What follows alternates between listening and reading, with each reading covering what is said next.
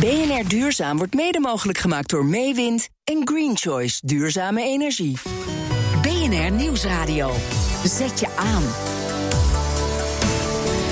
BNR Duurzaam.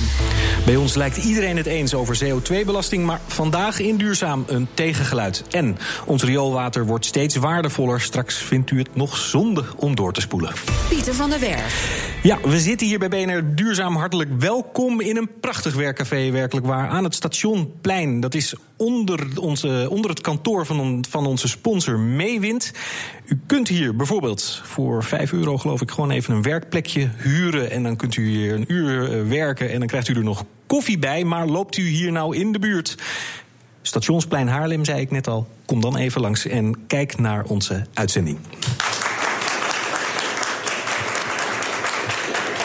Eh, want we gaan meteen beginnen over een bijzonder leuk onderwerp. Er kan namelijk stroom opgewekt worden uh, met rioolwater, maar misschien nog wel veel meer. Nou, dat gaan we horen, want de eerste waterschappen zijn er al mee begonnen. Dat smaakt misschien wel naar meer. En bij mij te gast is Tanja Klip Martin, dijkgraaf van het waterschap Vallei en Veluwe. Hartelijk welkom. Goedemiddag. Ja, uw waterschap is een voorloper op dit gebied. Kunt u allereerst eens even uitleggen hoe je met rioolwater stroom opwekt? Als je dat in grote stappen uitlegt, krijg je dat rioolwater binnen. Wat we doen is dat scheiden in aan de ene kant weer schoon water via een proces wat we kunnen lozen op het oppervlaktewater, dus op sloten of een rivier of een kanaal. En uh, het slip, daar zit de vervuiling in. Vroeger dachten we afval, afval, daar willen we zo snel mogelijk van af. We weten steeds beter dat er allerlei grondstoffen in zitten, maar dat je er ook energie mee kunt opwekken door dat slip te vergisten. Ja, mag ik alleen, dat, roept meteen een vraag bij me op. Want u zegt, we kunnen het als schoon water lozen. Uh, maar er wordt toch ook gewoon drinkwater van gemaakt? Nee, drinkwater wordt in Nederland voor 60% uit grondwater gemaakt en voor 40% uit oppervlaktewater. Ja. Maar dan moet je nog wel een aantal stappen uh, zetten voor je er echt drinkwater van okay. maakt, zodat wij het uit de kraan kunnen drinken. Maar wij zorgen er natuurlijk steeds beter voor in Nederland dat ook ons oppervlaktewater schoon is. Ja. Dat boeren dat kunnen gebruiken, dat je erin kunt zwemmen. Dus zo schoon is ook het water wat uiteindelijk onze rioolwaterzuiveringsinstallaties verlaat. Maar dan hebben we er intussen wel van alles mee gedaan met dat afvalwater om via bacteriën te zorgen dat die vuile stoffen eruit gehaald worden. Ja. Vroeger verbranden we dat. Nu vergisten we het. En u zegt van uh, dat slip eigenlijk wat je overhoudt, als je dat vergist, dan ontstaat er iets waardoor je stroom opwekt. Dan ontstaat er biogas. Ja. Daar kun je van alles mee doen. Daar kun je bijvoorbeeld groene gas van maken. Dus aardgaskwaliteit kunt in het aardgasnet stoppen. Je kunt er zwaar transport op laten rijden. Maar je kunt dat uh, biogas ook via een uh, zeg maar gasturbine laten lopen. En dan wek je elektriciteit, elektriciteit, aan de ene kant op en warmte aan de andere kant. Hoe ver bent u met deze technologie? Wat betreft het uh, verstromen van biogas, dus daar elektriciteit en warmte van maken, zijn we in Nederland heel ver. Ons waterschap loopt voorop, maar er zijn heel veel waterschappen inmiddels daarmee bezig. Ja. Uh, en dat betekent dus dat we onze productieprocessen steeds verder vergroenen. Maar werkt het al goed? Het werkt al jaren uitstekend. Ja. In Apeldoorn, waar ons hoofdkantoor staat en een van onze grootste zuiveringen, zijn we daar heel voorzichtig in 1999 al mee begonnen. En sinds 2009 zijn we officieel een energiefabriek, zoals je dat noemt. En we zijn dus steeds beter in staat meer energie en ook steeds meer verschillende grondstoffen uit dat afvalwater te halen. En wij spreken, eh, wij sluiten in maart als gezamenlijke waterschappen. Dat zijn er vanaf 1 januari 22 een nieuwe Green Deal met het kabinet waarin we afspreken dat alle waterschappen samen in 2025 volledig energie-neutraal ja. zijn. Dus dat wil zeggen dat we net zoveel energie opwekken als we gebruiken. U zegt het werkt al goed. Waarvan zegt u nou van ja, dat moet eigenlijk zou nog echt moeten verbeteren. En dan is het helemaal een, uh, een groot succes of doorbraak. Um, ik denk dat we nog nieuwere technieken nodig hebben die we nog niet kennen. om nog meer energie uit dat afvalwater te halen. En nogmaals, naast die energie halen we er ook grondstoffen uit. En ook daar zul je steeds innovatievere technieken moeten gebruiken om uiteindelijk te zorgen dat al het afvalwater uiteindelijk weer terugkomt in onze economie, in onze circulaire economie. En in hoeveel zuiveringsinstallaties gebeurt dit nu? Er zijn, uh, ik weet niet exact in hoeveel zuiveringsinstallaties. Nee, bij u bijvoorbeeld? Bij ons gebeurt het nu in een hele grote in Apeldoorn. Vanaf volgend jaar in een andere hele grote in Amersfoort. Maar bijvoorbeeld ook in Elburg, wat een kleinere is. Ja, en wat komt er nou bij kijken? Is dat een moet een enorme investering die gedaan moet worden om dat te kunnen doen? Of zegt u, nou eigenlijk gaat het allemaal heel makkelijk? Natuurlijk moeten we investeren. Omdat waterschappen, wat een overheid is, kunnen we, uh, leg ik zo uit, kunnen we uh, net iets langer afschrijftermijnen hanteren. Dus bijvoorbeeld in Apeldoorn, waar we uh, die nieuwe energie- en grondstoffenfabriek, zoals we onze rioolwaterzuiveringsinstallaties inmiddels noemen, dit jaar in juni hebben geopend. Daar hebben we 11 miljoen geïnvesteerd. Dat was 5 miljoen vervangingsinvestering en 6 miljoen echt gewoon in een nieuw onderdeel van de installatie. Dat schrijven we in 10 jaar af en verdienen we in 7 jaar terug. Oké. Nou zegt u eigenlijk van eh, vanwege onze werkzaamheden hebben we een extra lange afschrijvingstermijn. Uh, u concurreert natuurlijk eigenlijk op het moment dat u gewoon energie gaat leveren voor de markt met commerciële partijen. Dus ja, verdraagt dat zich eigenlijk wel met elkaar? Of is het een vorm van concurrentievervalsing? Nog niet, omdat we op dit moment nog steeds meer energie kopen dan we gebruiken. Dus we salderen natuurlijk, omdat je niet op elke plek ook evenveel energie opwekt als je nodig hebt. Maar uw doel is wel natuurlijk om het zo efficiënt te doen en zo grootschalig te doen dat u uiteindelijk meer kan leveren dan dat u zelf nodig heeft. Dat klopt. We worden op enig moment, en ons waterschap zal dat echt nog veel eerder dan 2025 zijn, worden wij een netto-energieleverancier. Um, en we moeten dus ook met het Rijk de discussie aan. Nu is het nog het op een steeds duurzame manier uh, bedrijven zeg maar, van onze eigen kerntaken. Maar er komt een moment dat je moet afspreken van wanneer, uh, hoe, gaan we dat, hoe gaan we dat qua regelgeving doen. En als je kijkt naar bijvoorbeeld het terugwinnen van grondstoffen, ja. ook dat. Um, zijn trajecten die investeringen vragen... waar wij een net een paar jaar iets langere uh, afschrijvingstermijn kunnen hanteren. Dus er gebeuren nu zaken die het bedrijfsleven laat liggen... omdat het niet snel genoeg wat opbrengt. Ja. Maar er komt een moment dat we dat zullen moeten overdragen aan de markt. Ja, precies. Eigenlijk zegt u van wij kunnen het ontwikkelen... maar als het eigenlijk zelfstandig op eigen benen kan staan... dan zal het geprivatiseerd moeten worden?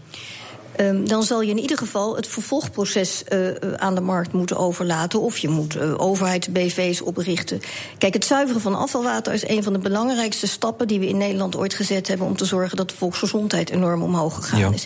Dus net als het fabriceren van drinkwater, is het zuiveren van afvalwater in principe een taak die bij de overheid hoort. Maar in een vervolgstadium van dat terugwinnen van al die grondstoffen in het kader van circulaire economie, zul je het op enig moment moeten overdragen aan de markt. Ja. En waar dat moment ligt, ja, daar moeten we over in discussie met het Rijk. Oké, okay. stel eens voor dat we al het rioolwater in Nederland gaan gebruiken om elektriciteit mee op te wekken. Um, ja, hoeveel van de stroomvoorziening kunt u dan in voorzien? Ja, dat, is, dat vroegen jullie in de voorbereiding van dit programma ook al. Ja. En dat is een ongelooflijk ingewikkelde vraag. Um, ik geloof dat we nu iets van. We, een paar jaar geleden was het iets van 2000 petajoule dat ja. hebben we als waterschap. Nou zeg ik eerlijk, dat zegt mij helemaal niets. Mij ook niet. Nee. Dus ik kan dat ook niet. Fijn dat u het toch even noemt. Ja. Ik, ik kan dat ook nog niet handig vertalen in hoeveel huishoudens is dat dan. We hebben dat als waterschappen verdubbeld. Ja. En wij denken dat het nog wel drie keer alleen bij de waterschappen um, groter zou kunnen worden. Ja. Maar daar heb je nieuwe technieken voor nodig. Maar om dan toch er even een beeld van te krijgen. Stel nou voor dat alle waterschappen dit gaan doen. En dat dat nog een beetje zich zo ontwikkelt. Waarvan u zegt van nou in de verwachting kan het nog wat efficiënter worden. Kan dan een stad van de grote Utrecht, of moet ik aan Amsterdam misschien wel denken kunnen die daar dan nou, hun energiebehoefte uithalen? Misschien is het handiger om het even te, te relateren aan één grote rioolwaterzuiveringsinstallatie, ja. onze eigen in, in Apeldoorn. Ja. Daar, werken we, daar werken we eh, stroom op, elektriciteit op voor 5.500 huishoudens. Ja. Een deel daarvan gebruiken we zelf. 2700 huishoudens krijgen stroom. Ja. En de warmte die we daarbij opwekken, uh, leveren aan ruim duizend huishoudens. Dus wat je wel kunt zeggen is dat die uh, waterschappen echt voorop lopen als je kijkt naar de doelstellingen van het Nationale Energieakkoord. Dus uh, ik denk dat de waterschappen wel de blauwe ruggengraat zijn van het Nationale ja. Energieakkoord. En nou zegt u, uh, Apeldoorn zei u geloof ik, hè, een grote. En dan noemde u iets van 2700 Leveren, huishoudens. Huishoudens. En dan van hoeveel van dat soort installaties hebben we vergelijkbaar met Apeldoorn? Um, we in Nederland? We hebben er nu, eh, maar dat moet ik even gokken, dat weet ik niet exact. Ik denk een, zeven waterschappen hebben dit soort grote installaties. Er zijn, um, dus uiteindelijk is het ook maar weer, ja, ik, zonder nou meteen heel negatief te doen, maar het gaat het maar om een heel beperkt aantal huishoudens die hier dan zijn stroom nou, er zijn, er zijn in Nederland op dit moment in totaal 85 van dit soort waterschapsbiogasinstallaties. Ja, ja, dat worden er al meer. En we wekken uh, ongeveer du, uh, uh, moet ik eventjes denken, 100 miljoen kubieke meter biogas op. Ja. Dat is wel wat. En bovendien gaat dat in een enorme stijgende lijn. Dat klinkt goed als dat zich zo doorzet, dan uh, wordt in ieder geval dus het potentieel alleen maar groter. Wat misschien toch wel heel erg tot de verbeelding spreekt met rioolwater, is wat zouden we er allemaal nog meer uit kunnen halen? Je kunt, wat we er nu uithalen, in ieder geval al op een aantal plekken, is fosfaat. Ja. Fosfor is een eindige grondstof. Dat wordt gebruikt weer om de grond te bemesten. Precies, dus wij winnen nu een meststof terug die gebruikt wordt voor uh, snel groeiende gewassen. Wat je eruit kunt halen is, dat heet cellulose, maar dat is gewoon wc-papier. Wat je weer kunt gebruiken in asfalt, maar ook in de kartonindustrie. CO2 kunnen we eruit winnen. Maar bijvoorbeeld ook alginaat. Dat is een biopolymeer waarbij je dus op duurzame manier karton, uh, beton, uh, als bindmiddel in verven. een bron van grondstoffen, begrijp ik dus. En, bio, en bioplastic. Ik wil tenslotte graag nog heel kort even van u weten. CO2-belasting, wat zegt u? Bent u daarvoor? Ja, daar ben ik absoluut voor. Ja. Um, nou bent u, uh, komt u uit de VVD. Uh, uw partij is over het algemeen nog niet heel enthousiast. Wat is er voor nodig om ze over de streep te trekken? Een groeiend aantal groene VVD'ers. Ik ben er één, maar het worden er steeds meer. Ik wil u hartelijk danken. Tanja Klip, Martin Dijkgraaf van het waterschap Vallei en Veluwe. Moet die CO2-belasting er nou komen? Daar gaan we het volgende blok over hebben. Ja of nee? BNR Nieuwsradio. Zet je aan. BNR Duurzaam. Hartelijk welkom terug bij Duurzaam. Vandaag vanuit het uh, werkcafé moet ik het noemen. Want u kunt hier niet gewoon een kopje koffie komen drinken. U moet echt hier aan, aan de slag gaan. Tenminste door de week. In het weekend geloof ik is het weer anders. Maar we zitten hier onder het kantoor van de sponsor van dit programma, Meewind. Aan het Stationsplein in Haarlem. Drukte van belang hier op het plein natuurlijk.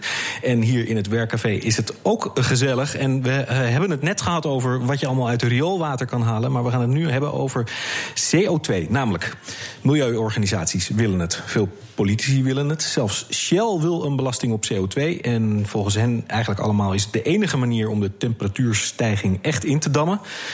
Toch zijn er op de klimaattop in Parijs geen afspraken over gemaakt. Nou, waarom niet? En Ehm, is die CO2-belasting wel echt een goed idee. We hebben namelijk hier een uh, flink tegengeluid. Ik praat er namelijk over met Jos Kozijnse, adviseur emissierechten. Hartelijk welkom. En Rob van der Rijt, oprichter van klimaatplein.com. Dat is een platform dat bedrijven adviseert over duurzaamheid. Um, laat ik even beginnen met meneer van der Rijt. CO2-belasting, goed idee? Heel goed idee. Ja, waarom? Er zitten eigenlijk twee hele grote voordelen aan. Je legt de belasting direct bij de verbruiker van, uh, van energie. En het tweede is dat het een heel simpel systeem is om uh, uitstoot van CO2 te belasten. Want iedere fossiele brandstof heeft zijn eigen CO2-emissiefactor.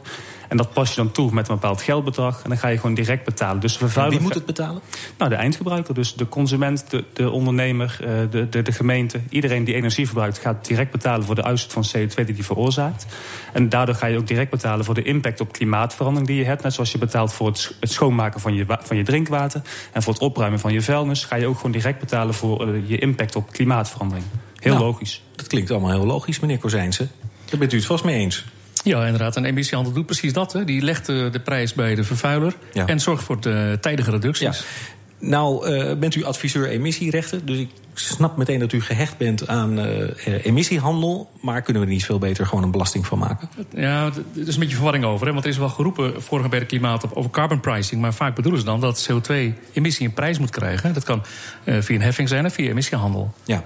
En waarom moet het dan via emissiehandel en niet gewoon via een belasting? Nou, stel je voor dat we alle emissies in Nederland gaan belasten en we komen tot nul. Dan is het nog niet voldoende. We hebben in uh, Parijs afgesproken dat emissies rond 2050 uh, eh, klimaatneutraal moeten zijn. Dus we moeten meer uh, reduceren dan je emitteert. Ja. Nou, dat is iets wat de emissiemarkt kan doen. Die kan vroegtijdig extra reducties realiseren in andere landen. Dus dan kan je meer doen dan alleen maar klimaatneutraal zijn. Dus dat is echt nodig. Ja, meneer Van der Rijt, belasting niet zo'n goed idee. Het moet via emissiehandel. Eigenlijk wat we nu al hebben, geloof wat we nu hebben werkt nog niet goed. Maar dat kan uh, volgens de heer Kozijns in ieder geval zo worden gemaakt dat het wel goed gaat werken.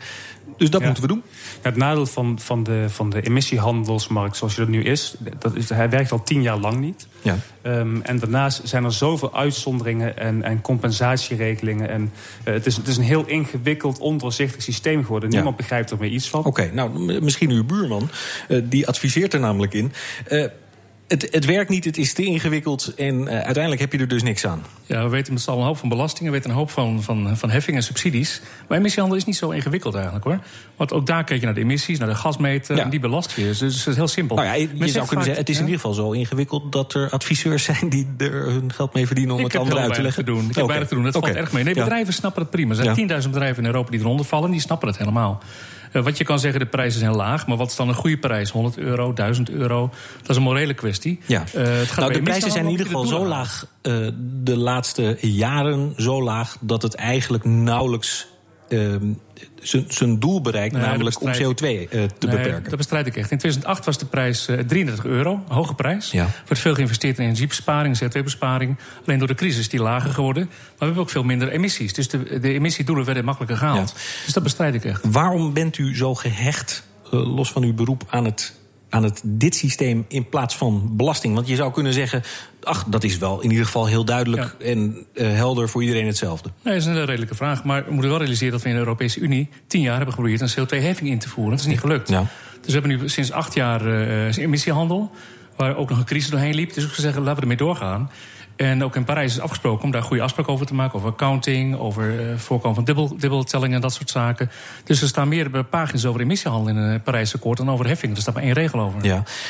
Meneer Van der Rijt, als je nou zorgt dat die emissierechten veel schaarser worden... Hè, dus dat het toch echt veel duurder wordt... en bedrijven echt gedwongen worden om toch die uitstoot te beperken... zegt u, dan ben ik ook tevreden?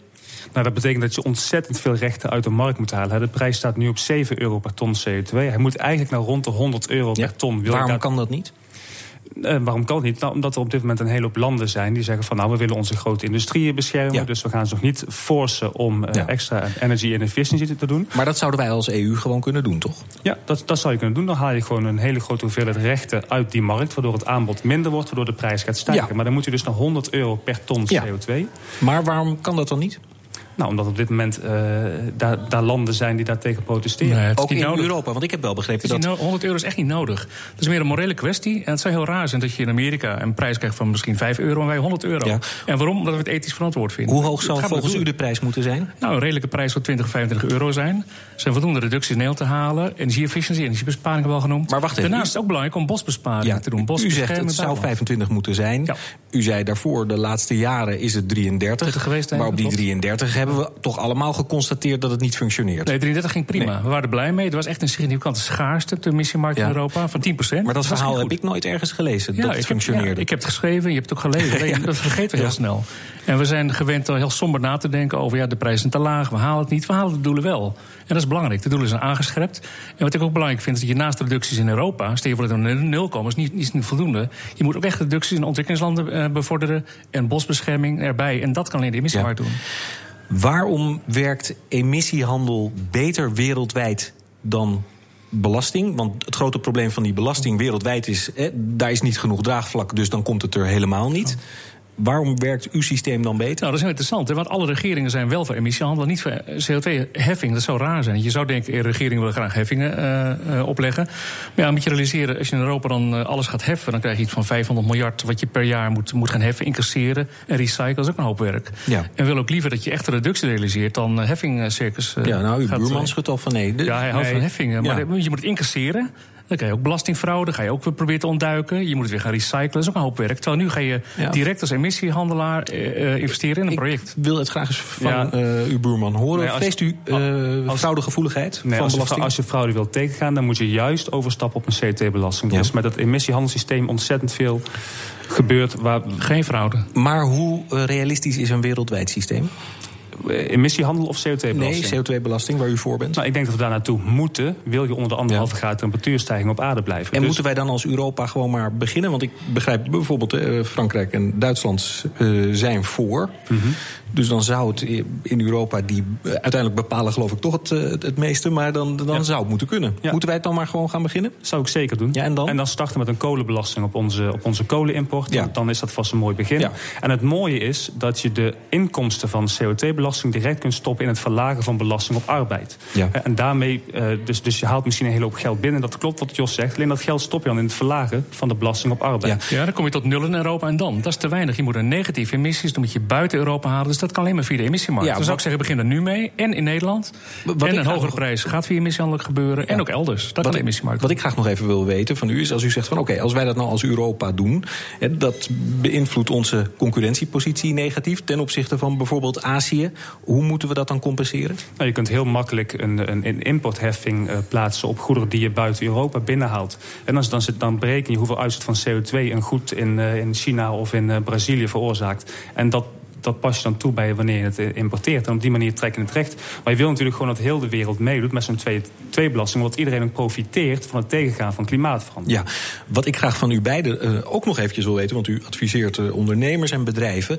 Um, als we teruggaan even naar die klimaattop en wat daar is afgesproken. dus nog geen CO2-belasting. maar in hoeverre beïnvloedt dat nu uw werk? Wat heeft u nou uit dat akkoord meegenomen naar uw klanten toe? Nou, ik denk dat het in ieder geval voor heel erg veel bewustwording heeft gezorgd binnen het bedrijfsleven in Nederland, onder het MKB, ook onder burgers, dat we nu iets moeten doen, de beuk erin, om uitstoot van CO2 te gaan reduceren. Uh, er zijn een hele hoop maatregelen te nemen om dat te doen. Die zijn ook bekend. Uh, ik heb via Twitter, via Klimaatplein, een tweet geplaatst van jongens, wat moeten we doen om uitstoot van CO2 te reduceren? Heb ik een hele hoop reacties op gekregen, maar dat zijn reacties die iedereen al kent. Ja. He, vervang je verlichting, ga beter ja. isoleren. En, meneer Kozijnse, wil ik graag van u ook even weten, hè, want de heer Van der Rijt die zegt wel van ja, je ik adviseer dat om dat te beperken. Maar aan de andere kant, in dat hele akkoord zit eigenlijk niets wat bedrijven ertoe verplicht. Ja, maar het is heel belangrijk dat we bedrijven nu zien dat op lange termijn moet de emissie naar nul in 2100. 2050 flink halveren en negatieve emissies. En ik hoor van bedrijven nu al roepen: er is een vraag naar emissiereducties. Dus men ziet dat op lange termijn gebeuren. Dan komt het dus eerder op je radar te staan. Bedrijven denken nu korte termijn gaat een lange termijn doen. Dus ik zie een hele positief effect bij bedrijven. Ja, u bent nog even blijven zitten, mevrouw eh, Klip-Martin. Dijkgraaf eh, van het waterschap Vallei en Veluwe. Van u zou ik ook nog wel graag even heel kort willen weten. Dat akkoord in Parijs, waar allemaal zo eh, enthousiast op werd gereageerd. In hoeverre heeft dat nou concreet effect voor uw werk? Um, wat wij feitelijk doen niet, omdat zoals net uitgelegd... die waterschappen al ongelooflijk druk bezig zijn uh, uh, met duurzaamheid. Het is denk ik alleen een extra stimulans om te zorgen dat we nog meer, en nogmaals, waterschappen doen dat al, investeren in de verduurzaming uh, van onze bezigheden en vervolgens het terugbrengen van steeds meer grondstoffen in het circulaire systeem van onze economie. Ja, wil ik u voor bedanken, Tanja Klip Martin, dijkgraaf van het Waterschap Vallei en Veluwe. En ik wil ook mijn gasten bedanken over de discussie of er nou CO2-belasting moet komen, ja of nee. Jos Kozijnse, adviseur emissierechten en Rob van der Rijt, oprichter van klimaatplein.com. De minuut van de waarheid. Vegetarisch eten is slechter voor het milieu dan menus met vlees. Die bewering van onderzoekers van de Amerikaanse Carnegie Mellon University leggen we onder de loep. In de minuut van de waarheid. Factchecker is Gerard Kramer, adviseur duurzame voeding bij Blonk Consultants. Vegetarisch eten is slechter voor het milieu dan een dieet met vlees. Dat waren de nieuwskoppen die vorige week overal verschenen naar aanleiding van het onderzoek van de Carnegie Mellon University. Toch is die conclusie wat al te snel getrokken, volgens Gerard Kramer. Uit onze studies komt inderdaad dat als wij uh, uh, op zoek gaan naar menus die, die lager zijn in milieu-impact, dan, uh, dan komt daar minder vlees in. De Amerikanen hebben dan ook maar enkele soorten groenten vergeleken met enkele soorten vlees. Sla is drie keer zo vervuilend als bacon. Dat is één van de beweringen bijvoorbeeld. Maar die vergelijking gaat mank, volgens Kramer ze vergelijken het per kilocalorie. En uh, daar zit dus het addertje onder het gras dat uh, sla natuurlijk heel weinig kilocalorieën levert. Uh, en dat geldt eigenlijk ook voor alle andere soorten groenten. En bacon natuurlijk gewoon een hele vet stukje vlees is, wat heel veel energie levert. Dus uh, om evenveel kilocalorieën te leveren, heb je ongeveer tien keer zoveel sla nodig als, als dat vlees. En dan, ja, dan valt de balans uiteraard ongunstig uit voor de sla. Um, dus ik, ik vind dat op zich niet zo'n hele eerlijke manier om dingen met elkaar te vergelijken. De bewering van de onderzoekers is dan ook... Helemaal onwaar. Ja, u hoorde ongetwijfeld de stem van de maker van BNR Duurzaam, Remco Thomassen. Dit was het voor deze week. Ik wil u hartelijk danken voor het luisteren en tot volgende week. Terugluisteren? Ook dit programma vind je terug in de BNR-app. BNR Duurzaam wordt mede mogelijk gemaakt door Green Choice en Meewind, partner in duurzame energie.